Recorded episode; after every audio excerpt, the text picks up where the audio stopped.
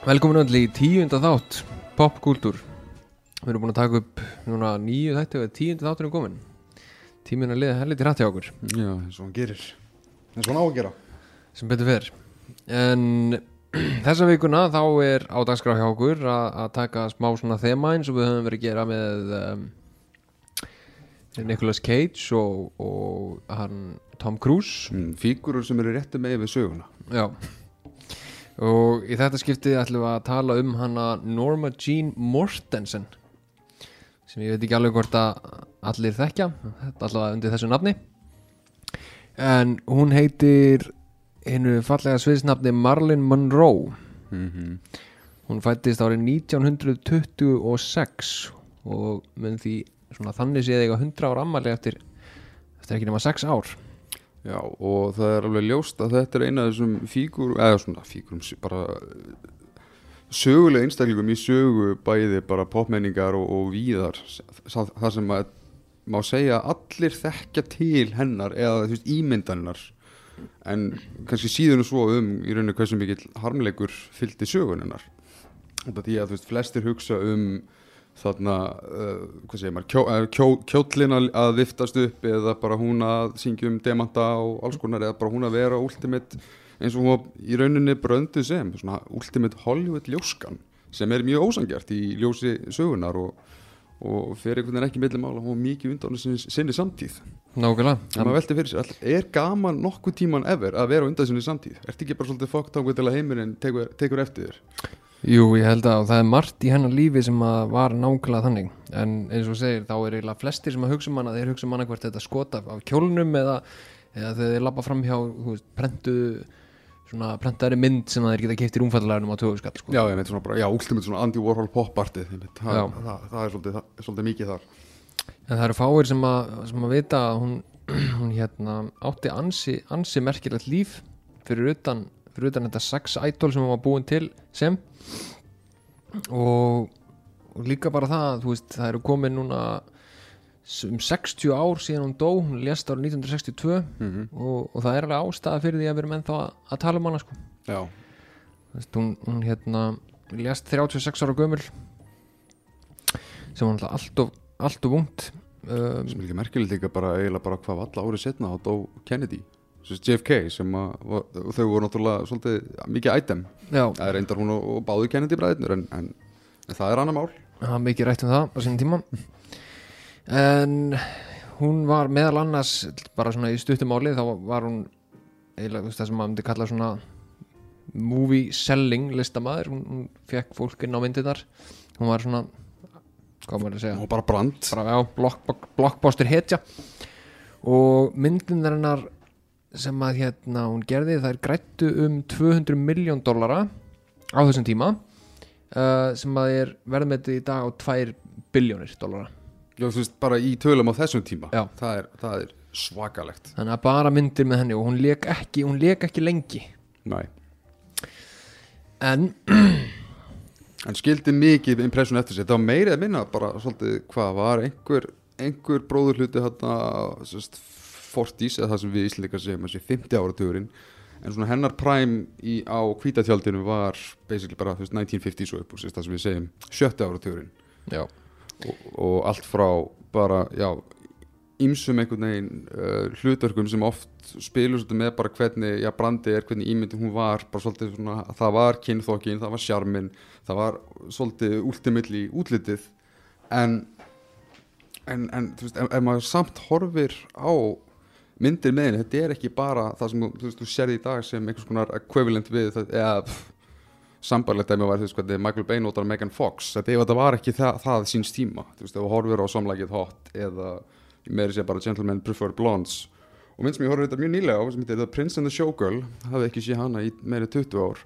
Það er bara eitthvað einhver svona ljómi yfir henni. Mér finnst það bara dumdur dálegandi og mér finnst það bara örugglega síðan ég lærið fyrst bara að labba eða spotta hana fyrst. Þetta er eitthvað sem er nánast uh, svona unquantifiable. Það er ekki hægt að einhvern veginn greina í sundur hvað gerði hana að henni. Og, og, og ég held að margt sem spilar, spilar þar inn er að hún var að öllum sögnum dundur klár hún hafði upplifað mikið og hún var ekki uh, hún var miklu meira heldur en bara slúðurik af því kynna sem að var annarkvort þá neysla eða hún að vera bara einhver blondína vegna þess að já, það er náttúrulega fyrst og fremst mítan sem að hefur mikið verið jörðuð. Hún var það ekki, hún var mjög læs hún átti hlassa bókum og, hérna, og var mjög einmitt svona já, hvað sem er, móttækileg fyrir alls konar hlutum sem í rauninni stúdíóin á þeim tíma voru svolítið að pressa niður.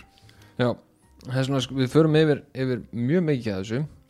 Um, en við byrjum hérna bara aðeins á í rauninni bara hvernig hún ólst upp mm -hmm. sem bara í sjálfu sér er, er ákveðin harmsaga fyrir sig að það var Monroe sem hún fættist sem Norma Jean Mortensen í Los Angeles. Móðurinnar hétt Gladys Pearl Baker sem er kannski eins og þú nefndir hérna en við byrjum að, að hún hefur oft verið kallið Norma Jean Baker. Já, en þaðan kemur Baker nafnið uh, málið er bara að fæðirinnar hann yfirgaf sem að hétt uh, John Newton Baker. Já, hann yfirgaf þau og, og hérna og rændi í rauninni börnum sem að þau áttu líka. Ha, já og hún, hún rauninni sko, hún hérna Marlin svo höldum okkur við það nafn það var að segja Norma Jean. Marlin hitti ekki sýsti sína fyrir hún var 12 ára gömul. Já, og já. þá var sýstirinnar, eldri sýstirinnar uh, hún var orðin hérna fullanum manniska þannig að hann, hann hérna skemmtilegi maðurinn hennar hún hann ákvaði yfirgefa.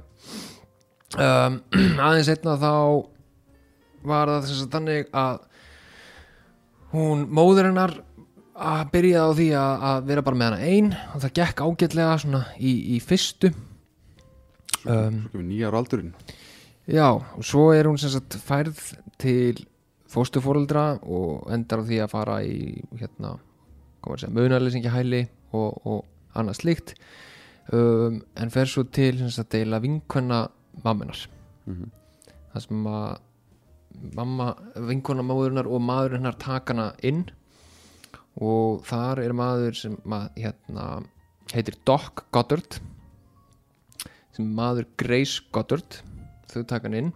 Og, og þessi Doc hann fer að misnótana sem að leiði til þess að, að hún fer annað og endar á því að, flakka svona aðeins um og, og að fyrir gegnum árinruninni bara gegnum endurlösan harmleik og leiðindi það sem hún er ekki að, finna sér alveg heimili. Uh, þegar hún er orðin unglingur þá fer hún til hérna annað fólks sem að er vinkona Grace. Uh, þar lendur hún í því líka að verða hérna misnotuð af, af mannum hennar. Uh, og þegar þau er að fara að flytja í burtu úr Los Angeles þá á sem sagt uh, á hún ekki rétt á því að fara með þeim af því að hún er bara 16 ára gömul. Þannig að þú veist, fyrstu 16 ára lífunennar var bara flakkandi um á milli fólks og, og lendi þarna í að vera misnotuð tvisvar. Er það þó er einu eins og bara eins og sjálfur aldur þess tíma og það er bara nei. Nei, þá er það bara því hún er ekki orðin sjálfur að. Og hún býr og er búsett í Los Angeles þannig að það á að setja hana á munalis ekki já, aftur. já, já, já. Af því að þau hafa ekki leifi til að taka hana með út úr ríkinu. Þannig að hún Marley Monroe okkar ákveður að gera það sem að best þykir í stöðunni á þessum tíma og hún giftist sin nágranna sem er á þeim tíma 21 árs gamall. Já. þar leiðandi er hún komin í hjónaband og má gera hvað djöfulin sem henni þykir við sitt líf en er samt í rauninni svona hálgjör hálgjörðing einhvern veginn svona, svona 40s, 50s svona húsfreyja einhvern veginn, hún gerði svolítið með þetta. Já, nákvæmlega, það er bara bókstælega sem hún gerði, hún giftist þessum, þessum dreng uh, árið 1942 bara beint eftir 16 ára afmæli sitt. 1943 þá fer þessi skemmtilegi maður sem heitir Doherty James Doherty, mm. mjög bandarist nafn. Uh, hann hérna fyrir að skrá sig í herin að því þú veist það er vist eitthvað, eitthvað, eitthvað stríði gangi að hann 1939-45 og hann ákveður að skrá sig í það. Þannig hann er, hann er sendur út hérna yfir allansafið og, og á að fara að berjast. Uh, hún býr þá bara hjá fóruldrum hen, hans og hún mútti það ekki gera eitthvað djöfili sem hún vildi bara heimilinu þá. Hún þurfti að flakka aftur. Nei, hún, hún býr bara á heimilið það því þau Já, voru ennþá, hann var bara 21 og hún var 16 og þegar hann fer þá var hann 23 ára líklegast, hún átján.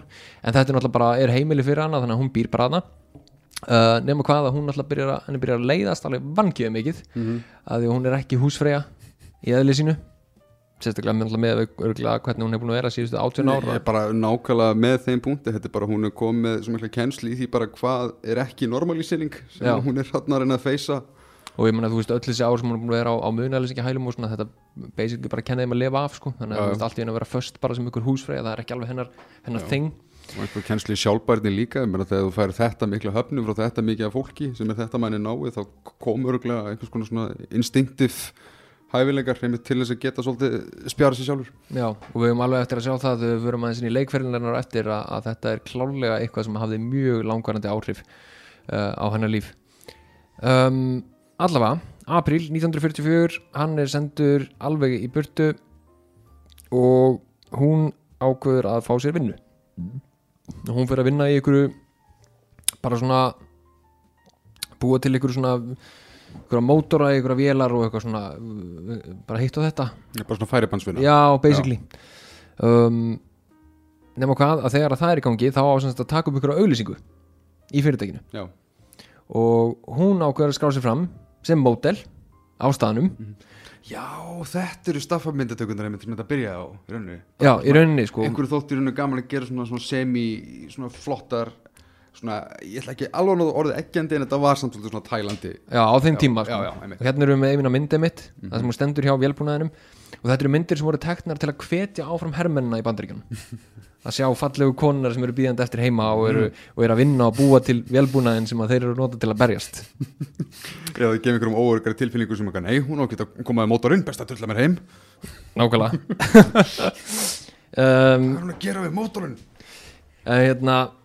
Fólk sem endilega googlaði þessi, já, fyrstu Marley Marómyndar hún er hérna bókstæðlega uppstilt með, með bara, Já, þið googla bara hérna Monroe Radio Plane Company fótó og þá fáið þetta upp. En maðurinn sem að tekur þessa myndir uh, David Conover hann hérna þau spjalla saman og, og, og fara að ræða um hitt og þetta. Og í janúar 1945 þá byrjar hann að mótela fyrir Conover og vinnans mm. uh, gjörsanlega á móti öllu sem að eiginmaðurinnar vill að því að hún á ekki að vera með feril og hún á að vera heima og vera húsmóðir. Einmitt. Og þetta á að vera, þú veist, bara eins tekju heimili eins og þetta var oftast þarna. En uh, Monroe var náttúrulega ekki alveg í því. Á þessum tíma var hún kölluð Jean Norman. Mm uh, hún var með brúnt hár og krullur eins og hún er með á þessari mynd sem við vorum að skoða. En þegar hún er byrjuð núna að mótela aðeins þá hérna sléttur hún hárið sitt og, og gerða ljóst. Og þar byrjar þetta að mótast þetta hérna, þetta lúk sem, sem við þekkjum. Uh, kemur í ljós að hún er ekki gerð fyrir mótel eða einsamkant ljósmyndunum heldur uh, fyrir hún meira í svona pin-up myndir já, sem við þekkjum vel. Mm og, og þar, er hann, þar er hún í rauninni sko bara verður fljótt ein vinsalasta pin-up stelpa bandaríkina ó já og það er alveg til, ég held, ef þið googlið bara Marley Monroe pin-up þá er þetta sjá myndir sem að ef við 100% séð bara margóft áður. Og hún er þarna í, í, í brjálaðslega mikið af, af myndatökum. Hún er bara einn hardest working model in show business árið 1946 þá er hún búin að vera í bara árið setna þá er hún búin að vera í 33 coverum. Og er hún þarna farin frá Doherty er já, bara Doherty búin að skilja við hana. Já, ó, já, já, er hafa, ekki harka af sér þennar, Nei. þetta frumkvæði. Skulum hafa það hreinu og hann skildi við hana. Og það er öruglega sagan sem hann sagði mörgum árum setna þegar hann var að tala við börnin sín þá hún gerði bara ekki það sem ég baða hann um hún bara fitta ekki inn í systemið. Um, en út frá þessu hérna öllu þá hafði hún sagt, skrifað undir við samning við hérna, umbóðsmann fyrir uh, til að fara að leika. Og fór meðal annars til hérna, Paramount Pictures fór, fór í viðtaldi þeirra á árnapröfur það gekk ekki neitt. Uh, enda því að hann fór til Fox og þeir voru ekkert vola hrifnir af henni en þeir gáði samt sex mánada samning til að binda hana. Mhm. af því þarna einmitt á þessum tímum þá varstu stúdíómaður Einmitt. ef þú varst leikari þá varst að leika bara fyrir eitt stúdíó. Og hún er hérna ennþá, hún er orðin ljósar en ekki en hún er ennþá Norman Jean í rauninni sem, sem suðslistu nafn já og við þekkjum, hún er ekki orðin svona, svona platinum blönd eins og við þekkjum hana sko, hún er ekki komið það hár ennþá. Uh, nema hvað að akkurat þegar að kontraktinn hennar byrjar, þessi sex mánuða kontrakt hún er skrifan undir hann, þá fer mitt vinnan í gang að Ben Leon sem að er hérna hluti af Paramount. Er eitthvað að spjalla þarna við Fox Guyana og þeir plotta á brugga. Og hjálpinni að velja sem sagt nafnið Marley Monroe. Og þetta ástæðan fyrir því var að, að hún myndan á brottveistjörnuna Marlin Miller. Og Monroe var nafn móðurinnar Já. sem hún notaði ekki sagt, Já. mamma notaði ekki Monroe nafnið. Og þaðan kom Marlin Monroe. Uh, og hún er skilin við kallinn eins og við veitum eða kallinn er skilin við hana réttar sagt. Þarna byrjar henni bara fyrirlinnar sex mánu kontrakt, hún vinnur ekki neitt en eigður öllum dögunum sínum basically bara í að stúdra leiklist. Já, hún gerir allt í sinu valdi bara til að, hérna, til að læra og læra og læra og læra og læra. Og hvað ártælu eru núna? bara ennþá 1946 bara þessi sex mánuðir. Mhm. uh, hún eigði líka rosalega miklum tíma í stúdíónu bara við að fylgjast með hinum og þessum vinna. Já, þannig að við sjáum það strax að, að hún var ekki mætt í stúdíó við þú veist, bara fullkomin á degi eitt skrifandi samning og allt í hennu var bara var nú stæðst stjarnar í heimi sko. Mm. Þú veist, hún actually bara situr í stúdíónu horfir á fólk og er bara ok, þið er að gera þetta svona, svona, svona. Mm. svona greinlega virka bransinn þetta er það sem ég þarf að vita. Bara harka sig áfram eins og hún greinlega var byrjuð að gera. Já, nákvæmlega. Alltaf næsta level. Og það er hérna stúdíón taka eftir þessu þannig að þeir endur nýja samningi við hana hann er endur nýjar í februar 1947 og þá fær hún fyrstu hlutverki sín sem að er í Dangerous Years og Skúta Hú, Skúta Hei sem er 47 og 48 Mhm. myndir sem örgulega þú hefur ekki séð, ég hef alltaf ekki séð Nei, ég ekki Nei, ég held að enginn hafi séð þetta. En ástæðan fyrir því líka fyrst og fremst er að, er að hún var bara í bakgrunnum eitthvað að dansa og syngja og eitthvað uh, hún fer hérna og lærir ennþá meira hjá Actors Laboratory Theater og fyrir svona theater pröfur og, og leika og, og er að gera þannig uh, en svo þegar hérna hún byrjar þar þá finnst kennurinn að vera of feimna og, og sjálfsörga Já. þannig að þar byrjar að- skína í gegn dálítið svona það sem að hafði örgulega verið að myndast í, í batnæskunni að Já. hún er hlétrægari en maður heldur sko. uh, Fox endur nýjar ekki samningin sögum í rauninu bara þessar að sagna þá bara, nei bara, bara það að hún þú hvernig hún var á settinu og bara hét já, ég meina bara hluta þessu öllu þú veist, hún Já. bara er ekki að ná að pussa sér nógu mikið fram já, sé að leggja vinnuna í að læra allt þá er hún Já. bara ekki já, hún er ekki að ná að pussa nógu mikið fram sko, það sem virkilega býr inn í henni uh, þannig að hún hérna fyrir aftur á mótila og, og Fox ræður hana í eitt og eitt hlutverk Mhm. að vera bara svona í bakgrunnum en það sem hún var gjössanlega staðráðin í að, í að verða hérna verða leikari þá heldur hún bara áfram og fer svo að leika í, í hlutverki sem að er eitthvað svona vampíruleikrit. Hún leikur ykkur á ljósari vampíru sem að leikrið heitir Glamour Preferred. Uh, það því laukirunni bara eftir eftir nokkra framistöður það gekk víst ekkert vola vel að vera með eitthvað svona eitthvað vampíruleikrit á þeim tíma en með þennan titil, hvernig Já. getur við feilað Glamour Preferred. Kannski var það bara svona producer stæmi búa til þetta bara til að ná Já, tryggingapenningum eða merkjum með, með einhver svona bransa elítið þar sem allir tóku marka á þessum einu, eina hverfiskakar innan og hann bara, nei, þetta er ekki, þetta er ekki málið. Þá bara, ó, ok, skellilás Já, ok, fuck it, burt. Um, Hún fer svo að hérna promóta sjálf sig á fullu. Bara eins mikið og hún getur. Og vingast við hann Sidney Slosky uh, sem er bara svona gossip hérna, komum segja gossip journalism Já. gæi, sko, skrifa bara svona gossip greinar en leikillið við að vinga sig við þennan mann er að hann átti rosalega góð sambundin í stúdíun Ó já, eðlilega þannig að það sem hann gerir er að hann hjálpar hann áfram og kynir henni fyrir Joseph M. Schenk uh, sem er Fox Executive Guy Mhm.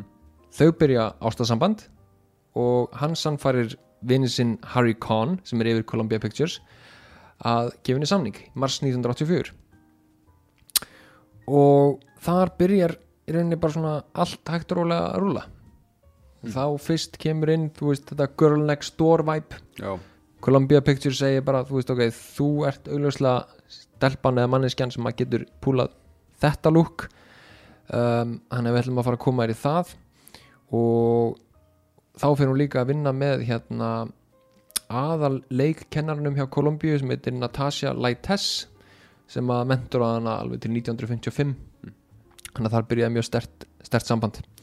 Um, upp úr þessu bara leik hún í svona hinnu og þessu. En svo kynntist hún ég veit að þetta er rosalega mikið af, af name drop hérna, upptalningu hjá mér en þetta er bara ógeðslega mikið af fólki sem hún er að hitta og, og vingast við bara til að koma sér upp. Hún er að klifra stegan rosalega hratt og rosalega vel. En þarna var hún greiðlega að byrja þess að fóra þessu sjálfa eftir að hafa nánast fengið veist, ummælum um hefði gagstæða Já, nákvæmlega, því þannig erum við að sjá í rauninni fyrstu skrefin af því sem að mun koma stert inn, á eftir er hvern, hversu góð hún var að self-promota sjálfa sig sko. Bara, já, já. það var enginn að hjálpa henni við að auglýsa hana. Nei, Þú veist, hún var ekki með agent nei, hún var ekki með publisher eða eitthvað svona nei. eða publicist, hún var bara 100% hún sjálf að grænda sko. Og líka ofan á það að tilhugsunum að samningun er ekki endur nýjar þarna gærilega kannski kviknar eitthvað í henni bara ok, það er enginn að fara að redda þessu nema ég þá Já, nákvæmlega, þú veist, ef að stúdíóin vilja mikið þá verð ég bara að láta alla í kringum stúdíóin vilja mig og þá mun ég vilja mig aftur vonandi. um, Það þarna er líka fann að gera sér grein fyrir svona, sinni eigin útbreyslu, verandi orðin pin-up gælan á Já. þessum tímpúndi Nákvæmlega, af því að þú veist, hún hafði mótilið til að bakka upp ef að, ef að hérna, leikdæmi gekk ekki upp og gerði það náttúrulega. Svo hittur hún mann sem heitir Johnny Hyde sem er svo sem ég var að fara að nefna.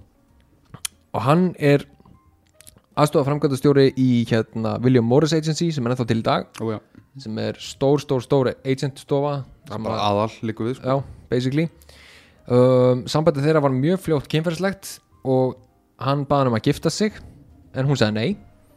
Hann hafði slæma reynslu á því fyrir hann er að hérna þau heldur samt sambandinu gangandi þráttur það og þá borgar hann líka fyrir nokkra lítaggeris Já. og hún breytist aðeins í framann um, þú veist, ég veit ekki maður tekur svona ekki brjálislega mikið eftir þetta voru vola litlar svona. Það var svona nefið aðlega það ekki? Jú, þetta var að mitt nefið og kjálkin Já, uh, þá fyrir hún í marksbræðramyndina Love Happy. Mm fer svo að leiki hinum og þessum auðlýsingum og, og, og hérna og fyrir í sem sagt það sem að mun setna valdinni smá vandræði og líka mik mikla velgengni er að hún ákveður að pósa nakin fyrir dagatal Já.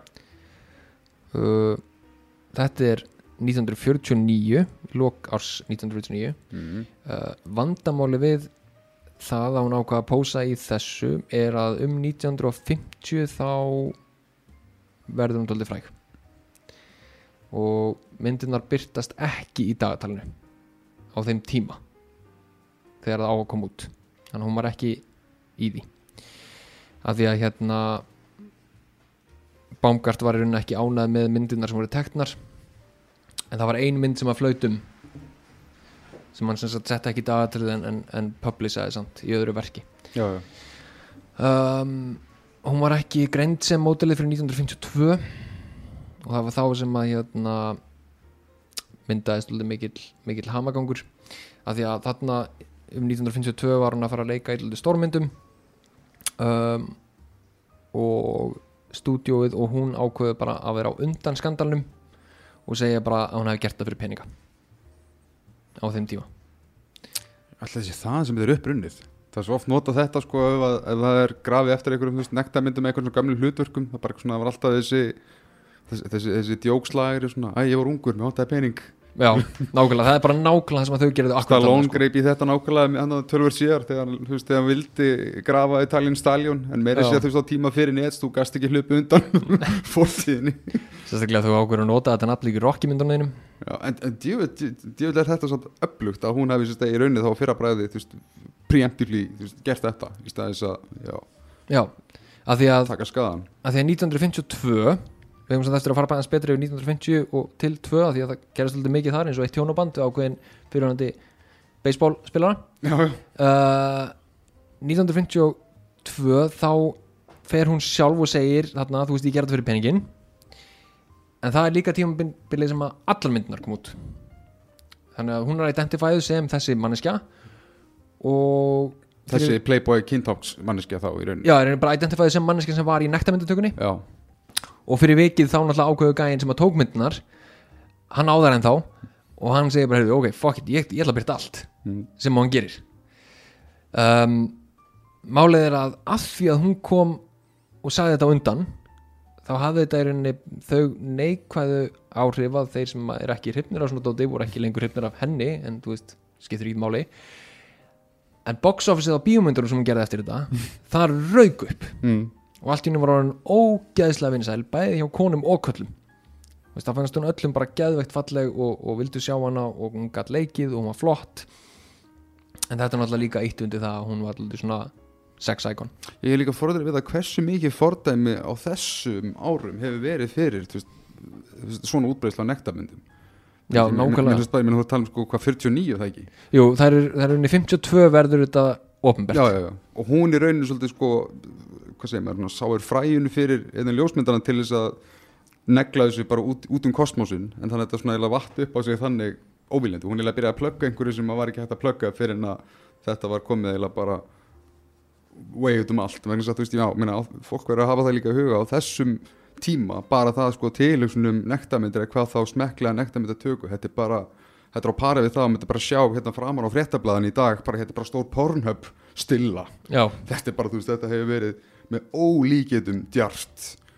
Og þú veist, og, og, og, ofan á það hún hefur alltaf, eða hafa þessum tímúti alltaf verið svolítið að berjast gegn strömmnum með hvað var, til hvers var ætlast af henni sem ímynd og var einhvern veginn alltaf að svona móta nýja vegi fyrir. Nei, þetta er í lagi, þetta er það sem ég er. En var svo líka alltaf svona pínu sniðin að því vera nei, þú ert þú átt að vera svolítið brandið okkar hérna. Já, nákvæmlega. Nákvæmlega. En það er sko það sem að hérna hjálpa henni líka við þessar myndir og, og, allt þetta dæmi er að rétt árna myndinar er að koma út þá er ferillinnar smá að byrja að detta niður. Ljósmyndunar eða bíómyndar bíómyndar Já.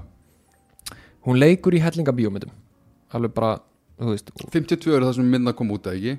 53 leikurinn í Gentlemen Prefer Blondes. Já, Það er nákvæmlega. leikurinn í mættilega 52, kemur út 53 eða myndi, myndi ég giska. Og þar er hún svolítið komin aftur á reisastóran stall. Já, basically sko, því að það frá 50 til 52 þá er hún að leika í hellingamyndum. Hún er að leika í hérna uh, meðlans Monkey Business veist, og er í og Henry's Full House og einhverju svona myndum sem að eru, þú veist, ekki eitthvað rosalega frægar en, en, en skiluðu alveg inn góðum pening á þessum tíma. Uh, málið er bara að hún var meira að leika hérna kannski grín og alvarleika með smá svona, svona sex appeal vafið í. Aha. Uh, að því eins og í 1952 leikur hún mynd sem heitir Don't Bother to Knock. Já, og þar leikur hún hérna störlaðan uh, störlaða hérna barnapíu. Og gaggrindur voru á, á tveim málum. Þú veist A, hún er ekki með leikhæfileikana í þetta. Mm uh, og B, þetta er bara mjög illa skrifuð mynd. Þannig að hérna, það var svona eiginlega það sem átt sér stað. Uh, en allt sem við vorum að nefna áðan með, með hérna, feimnina og óöryggið það er á þessum tíma að blúsast upp. Já, sem þýðir að, að rétt áður að nektarmyndinar verða svona public þá er fyrirlinni hættu að því að hún er stundum ekki að mæta á settið.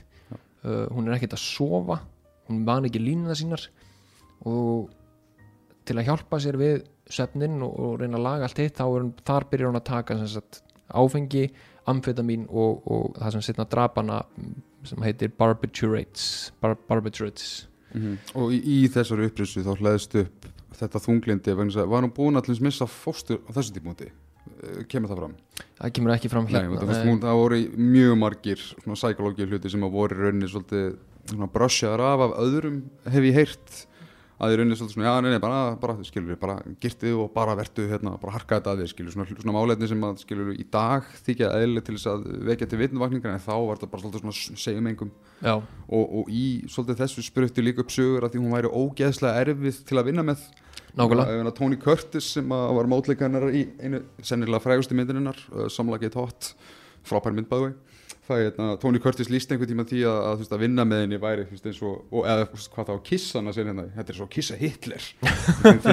Kom svo illa saman og hann, hann bara, hann hafði ekkert nema vanda hluti að segja um hann en, en, veist, en það náttúrulega elur af sér ákveðna slúðusögur en svo eru aðrar útgáfur af þeim slúðusögum sem segja einfallega bara að hún vildi hún vildi ná þessu rétt, hún var órögg mm Mhm. hún, hún krafði svolítið margar vildi svolítið margar tökur. Já, náttúrulega tökur. líka bara, þú veist, neyslan ofan þetta og einmitt óstundvísin og bara kom inn í svolítið maníu þannig. Já, þannig að þetta, svona, þetta hlóðst allt upp en, en ég hef einmitt verið alltaf að kynna með sögurnar af því hvernig og hversu erfið hún var. Ég meina þau gerði mér þess að bíómyndum þetta 2011 um einmitt hérna, The Prince and the Showgirl og myndir hér My Week with Marilyn.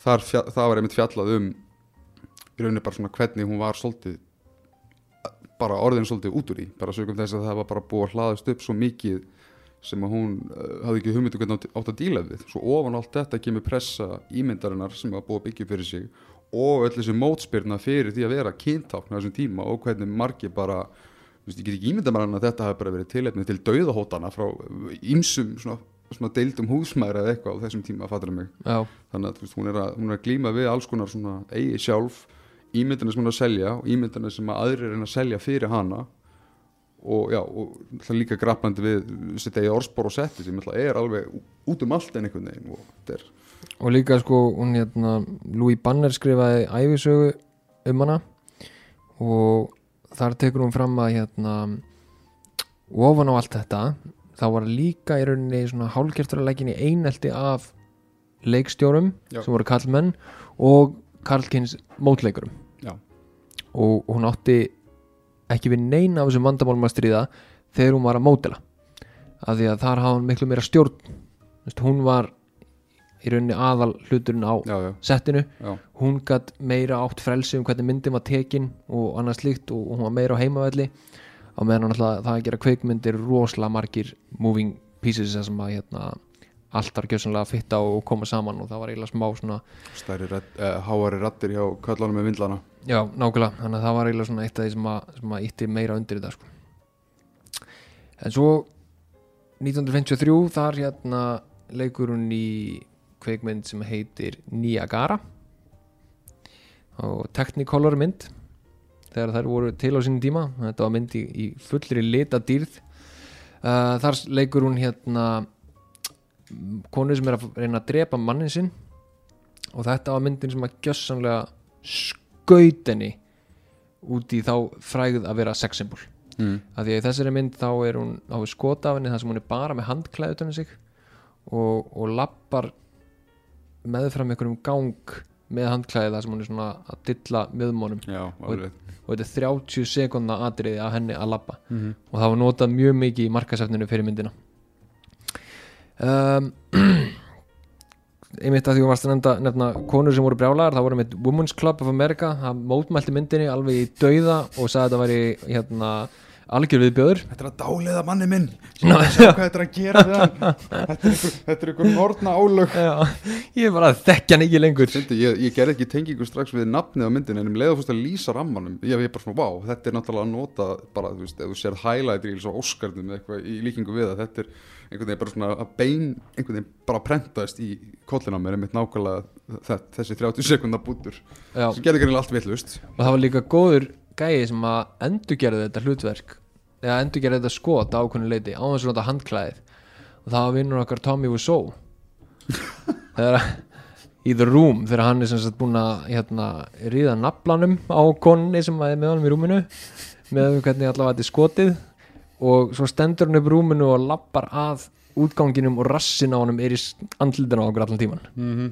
svona nútíma nútíma Monroe skot. Bæði sko því filmu á, á high def. Ú, já. En hérna myndin Hjælti sem alltaf er að tala um hérna Jason Segel í fók rétning Sara Marshall Já, að þegar hann droppar Já, taka svona next, næ, næsta leveli en að sjálfsögðu myndin var náttúrulega galið hitt og hérna Monroe fikk ekkert um að rós mm. fyrir hlutverkið. Uh, og bara rosalega flott. Eftir þessu kemur einmitt Gentleman Prefer Blondes mm -hmm. beint á eftir. Uh, Þar neglist ennþá meira ofan á kynþokkan að hún sé líka ljósarð heimsk. Já, myndin gjössanlega stimplar það svona 30 sinum í andlitaðir að þessi leikona sé heit ljósærð heimsk. Og líka einhvers konar tákmynd líka við sko uh, svona anstæði hú, húsmaðurinnar skilur við, svolítið, hann er hann orðin svolítið svona idealísk fantasía í þessari myndi einmitt, þar kemur hérna, hennar frægi söngur á hérna, Diamonds are a girl's best friend og þetta Já. og þá fara margir náttúrulega svolítið svona síja á því bara, já ok, það eru materialískar og, og ef ég gerir þetta svona, svona kannski þá er það, það í rauninni er svolítið, hún er eiginlega farin þarna úr því að vera svona next door hérna, hérna, stúlkan sem einhvern veginn er viðtengjuleg og orðin er mitt já, orðin að vera svona sérstaklega líka að því að, já. að því hún leikur veist, hún leikur svona golddigger hlutverk fyrir það þannig að veist, það spila alltaf stórt inn að hérna, hún er að eldast ykkur gæja bara fyrir peningin sko. um, 1954 þegar hún gerir henni bara eina sem hún gerir 1903 í uppbót er, er hérna How to Marry a Millionaire sem er líka reyndar ógeðslega vinsæl mynd og, og sló eiginlega bara öll með það árið hún var tekið þesta mynd þessa, þetta ár um, í það í þá mynd var sett inn atriði bara fyrir það eitt að setja Marilyn Monroe í sundföt Mm. það var svona beauty pageant atriði í þessari mynd hún er í sundfötum og þetta atriði var skrifað í myndina bara með því eina markmiði að hún myndi hérna uh, verða í rauninni í, til sínis í sundfötum mm. en þarna í 1953 þá kemur nefnilega skemmtilegt blað út sem heitir Playboy. Playboy það er ekki að byrja á þessu ári en þetta er árið sem að hún var á forsýðinni Mhm. og voru myndir af henni naktri og veitum enn nektamyndinar sem voru í þessu blaði voru úr myndatökunni sem var 1949 Mm. og þetta voru myndir sem hún var ekki búin að samþykja hún tók aldrei Playboy coverið sjálf heldur keifti Hugh Hefner í rauninni bara myndirnar og skellti þeim bara í blaðið. Og hún alltaf hafði í rauninni ekkert við þessu að segja en hún var ekki sátt. Mm. eins og held að flestri myndu vera. Um, sem, sem, sem gerir það ennþá grillaðra í ljósi þess hvernig sem hann fór hérna með, já, þau- bæði svona, já, er svona eftir, eftir gröfina. Eins og, eins og, vita, eins og vita er að, að Hugh Hefner er náttúrulega sögulegur sögulegur pervert, hann, hérna, hann krafðist þess að panta plássið við hliðina á Mælema Ró þegar hann myndi sjálfur vera borin til grafar. Þannig að hann er alltaf við hliðina á fantasíu aðal, aðal gelunni eins og hann einhvern veginn lísti svona til að umorða. Þetta var svona, já þá er ég alltaf með draumastúlkunni minni eitthvað svona sem er rosalega mitt svona, svona kartfílulegt að segja og eiginlega bara svona hálf veginn svona þetta, það, er, það, er svo, það er svo mikið sjúkt við þetta sko. Já, og líka út í hann notaði mér svolítið þetta og, mér minnir mér, mér sem hann hafi sigur húað þetta dæmi að já, ég meina hún náttúrulega braut, eh, finnst að segja þetta þannig en braut mikið blað í sögu Playboy í síns tíma og alveg á, á, á fyrir árunum. En svo mitt, já, með þessar auka vitnesku að þetta var ekki eitthvað svona samþýtti já, þetta er sýnir einhvern veginn svona hvernig, hvernig að vera svona að ræta á já, mér finnst að líka bara það er líka svo störla að, að Hugh Hefner hafi getað kift þessar ljósmyndir af henni og notað þær og hún hafi ekki haft neitt við því að segja. Nei, það, það sem ég velti fyrir mig þar er fór þá ljósmyndarinn kannski í hefner eða bauð hefner hún bara eitthvað sem maður gæti ekki hafnað? Það, það, þegar ef hingaðin er búin að setja þetta út fyrir það ekki? Jú, það var búið að myndin hana, það var alltaf bara ein mynd sko. Já, já. Í rauninni sem var veist, það voru svo margar myndir teknar af henni Já. að það var nóg til já, já, þannig að hann gætt selt hefnir glænýja myndir sko. mm já þetta kemur neira því hvort þetta sé mitt svona, er slísin svona að mestu í gegnum uh, ljósmyndarinn eða sá, hann bara tækifæri eða, eða var hefner að kannski grafa eftir þessu myndi, maður veit ekki ja. Já, ég hugsa að það hefur verið bara tveir mjög slísi gæðir að slísa saman sko. já, ég held, að sé eiginlega bara nósumar Já um, Á þessum tíma samt þá byrjar hún að vilja leika í alvarlegri hluturkum uh, Draumurinn hennar var náttúrulega ekki að vera, að vera typecastuð sem hérna, heimsk ljósærð heit stelpa. Nei, Stúdíóið segir í rauninni bara nei og ætlar að setja hana í mynd sem heitir The Girl in Pink Thighs og hún neytar að byrja að taka hann upp.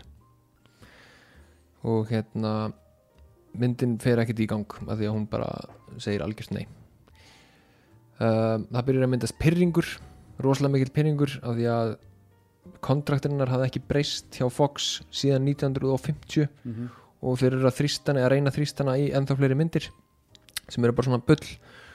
Uh, og hún hafði ekki fengið meðal annars hérna, neitt frelsi til að gera neitt annað. Þannig að hérna, pyrringurinn verður rosalega mikill. Um, 14. janúar 1954 giftast Marlon Monroe og okkar elskulegi Joe DiMaggio mm.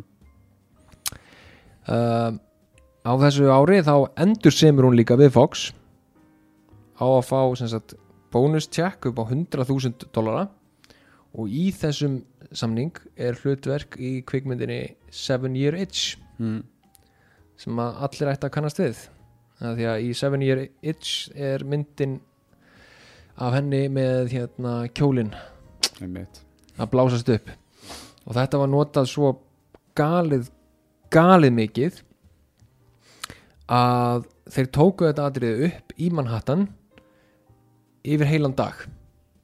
Og fólk fekk að lappa um og sjá það gerast. Þannig að hún var aftur og aftur og aftur að lappa yfir hérna, hérna grindina já, já. og kjólinn að blásast upp aftur aftur aftur. Og það er talað um að hérna um 2000 manns hafi séð tökunar á þessu sem er náttúrulega alveg ágæður fjöldi á þeim tíma sko, þegar við getum mann hatni í dag og voru að tala bara nokkra miljónir já, já.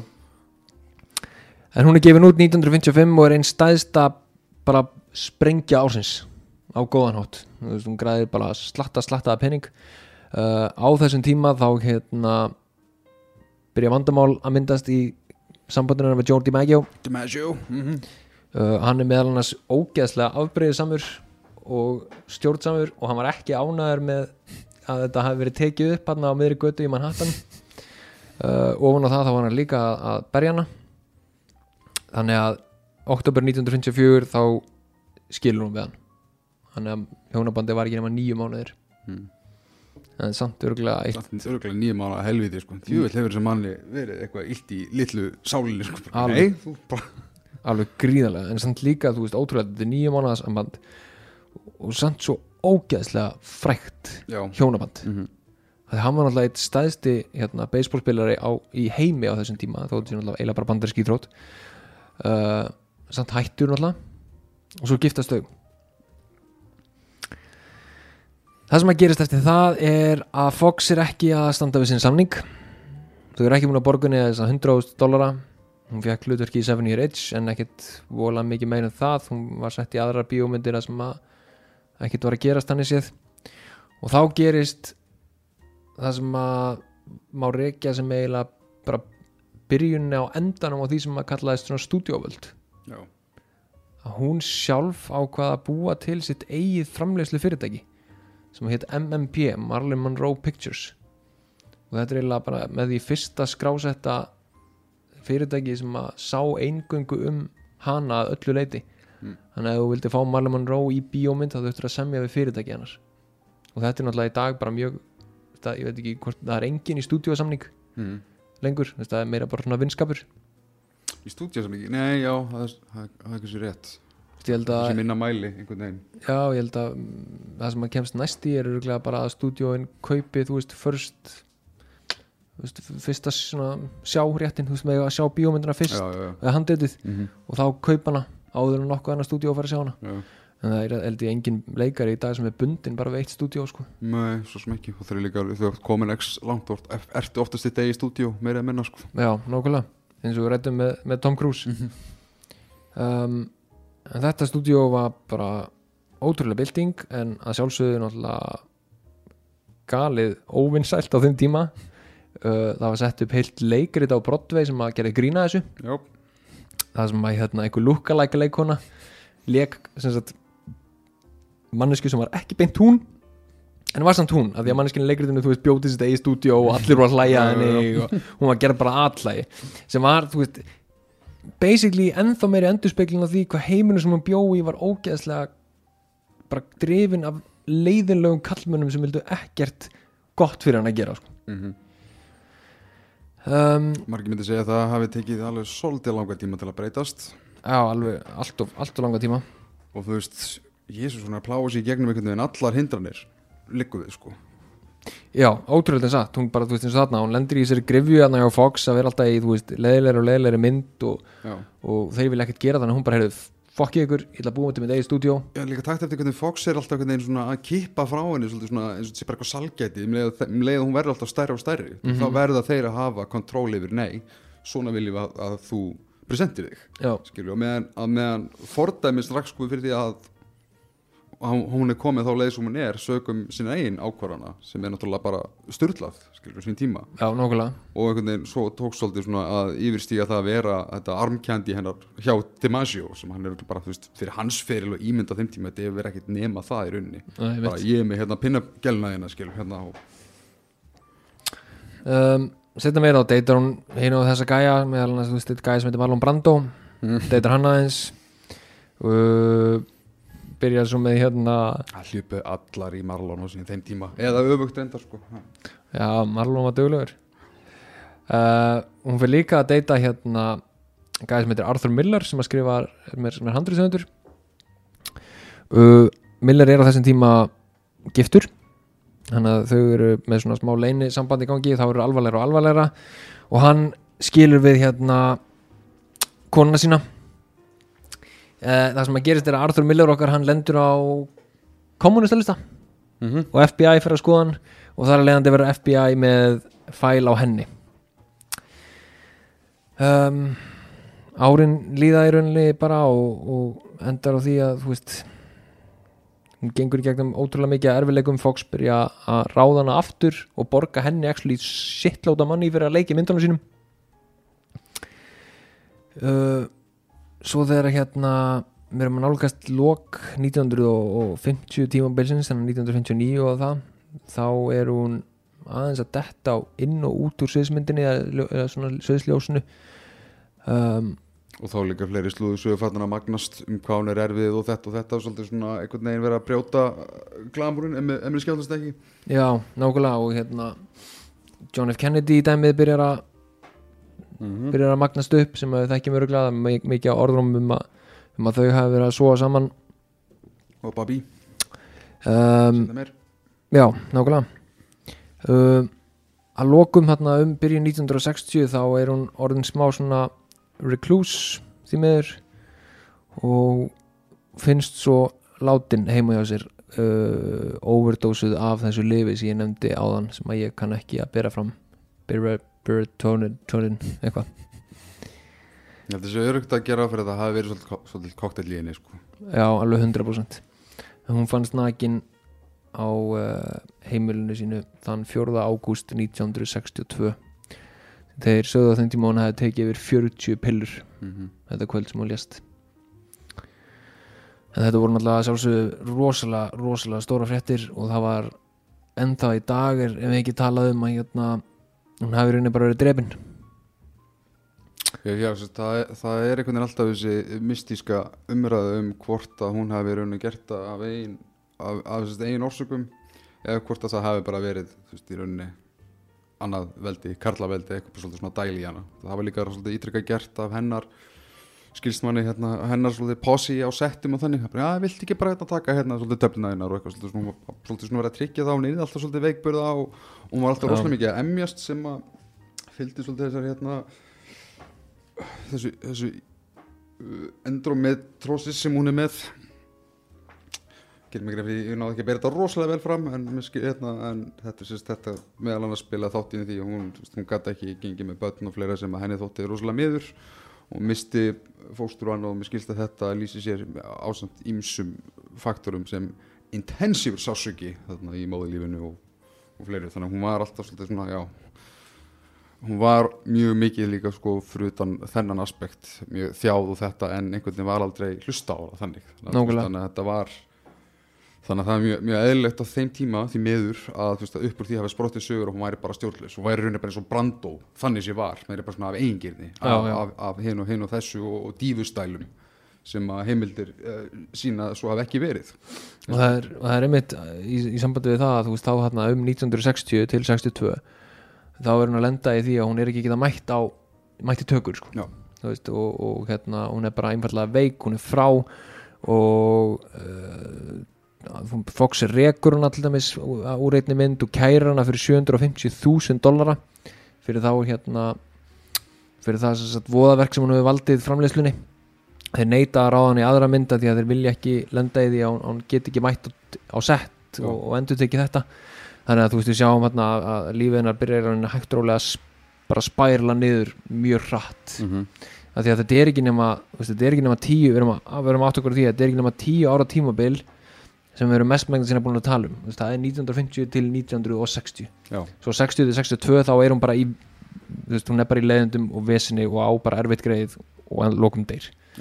Um, það er ekki svo fyrstu 20 árun hafi verið dans á rósum heldur nei, einmitt, þú veist, flakkandum frá ekki hæli í ekki hæli og fær svo þessa þessa litlu fræð og, notar þessar ótrúlegu gáur og, og, og hérna, og þessar frumkvöðla takta sem hún er með Mhm. til að skjóta sig fram byrjar þetta Marley Monroe Picture Studio sem að bara var mm, á þeim tíma brautriðandi og hafði svo gjössanlega ótrúlega bylgju áhrif út í allan Hollywood heiminn við að rífa niður þessi völd sem að stúdíóð hafði.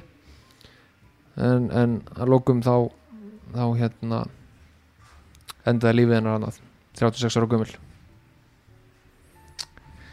En 100% eins og þú veist ástæðan fyrir því við náttúrulega erum að taka hana fyrir það 100% þú veist þó hún hafi átt stutt og, og frekar hratt líf þá hérna situr hún eftir sem alveg ein af ein af bara svona popkultúrs íkonum já, sem að heimurinn þekkir. Og, og líka einhvern veginn alltaf heilbreytt sko að skoða í rauninni hvernig ímyndana stendur í dag sko, að með alltaf augnum upplýsingum og heimildum þá er alltaf, veist, í rauninni það sem ég er að koma mér að að þetta, hún er alltaf vel þess virði að, að kynna sér ef að, að viðkomandi þekkina sem bara blondínan eða einmitt þetta pop-art dæmi sem, að, sem að hefur svolítið verið kent kent við hana sko, því að þetta var líka já, það sem er alltaf bæðið sjokkarendi fyrir utan einmitt þess að hvernig, hversu mikil gegnum gangandi harmleikur þessi eh, hennar æfi var það er líka bara þetta er einmitt svo mikil dæmisæðileiku um einmitt svipa og ert að koma inn á svona seglu og þrautsegu og þetta og bara það að, ge að geta komið sér stöður að ebla sjálfið og frumkvæðið og persónleika sinn og styrkleika sinn sem hún er með öllu þessu flakki og bara bókstælega vera að tuskana til. Bara nei hérna, takk þú við henni, nei takk þú við henni. Bara, já, frá bara fæðingu sko. allt einhvern veginn bara svolítið svona verið að verið að díla við ákveðið svona búli af, af, af, af feðraveldinu og þannig sko og tala nú ekki það að þú veist náttúrulega og höfnum frá einföður þetta er bara, gjössanlega vítt. Þannig að þetta er og fyrir þennan sko fyrir þennan tíma það er líka eitthvað sem má ekki einhvern veginn gleymast. Þetta, er bara svona, þetta var miklu miklu brattari brekka þá að díla við með alltaf þessa stúdíóhaus og náttúrulega bara gamla svo kallega gullaldar Hollywood eins og svipa á þetta Fox sem við erum að tala um í þessu tímabili. Þetta var alltaf bara dýragarður og bara veist, svall. Mhm. sko, þannig að geta stýrt sér gegnum það og hvað þá líka svona ná til fólksins og ekki bara með með pinnapinu heldur veist, það var auglustlega eitthvað sem að dró fólk að henni sem, sem náði út fyrir þetta þáttur að veist, þetta var það sem Hollywood svolítið reynda að móta hana sem fyrir okkur. Þannig og það er einmitt sko svo við áttum okkur aðeins meira á því hvað stúdíóin höfðu virkilega mikil völd að á þessum tíma til dæmis þá um, átti Humphrey Bogart ekki að leika í Casablanca. Mm. það var annar leikari sem átti að vera því að stúdíóð vildi hafa hann. Já, Humphrey Bogart var á þeim tíma talin of kvenlegur of mikill svona emasculate man og það var ekki nema einhver annar gæi sem að sannfærði stúdíóhettið bara þetta er gæin sem þið viljið setja í myndina. Og það að setja Humphrey Bogart í Casablanca í dag er náttúrulega bara allir vita að það er briljant. Mhm. en á þeim tíma var þetta rosalega áhætta. Já, þannig að þú veist, stúdíón réðu öllu á þessum tíma og menninir, og leikararnir sem að voru og leikonar sem voru undir þeim þau voru gjössanlega undir þeirra væng já, þú veist, það var ekkit að ef að þú veist, ok, nú er Disney fyrirliðin búinn þannig að nú ætlar að fara að gera alvarlega hlutverk. Já, þú veist, þú færð ekkit frá því að vera Captain America yfir í að vera hérna í Knives Out. Uh, það er bara geng, gekk ekki á þessum tíma. Næ og þetta er sérstaklega bundið með því sem komst að áður var samninga.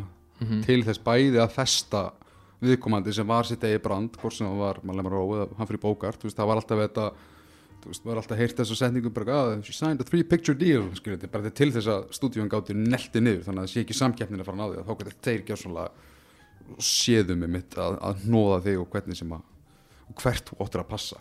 Nákvæmlega.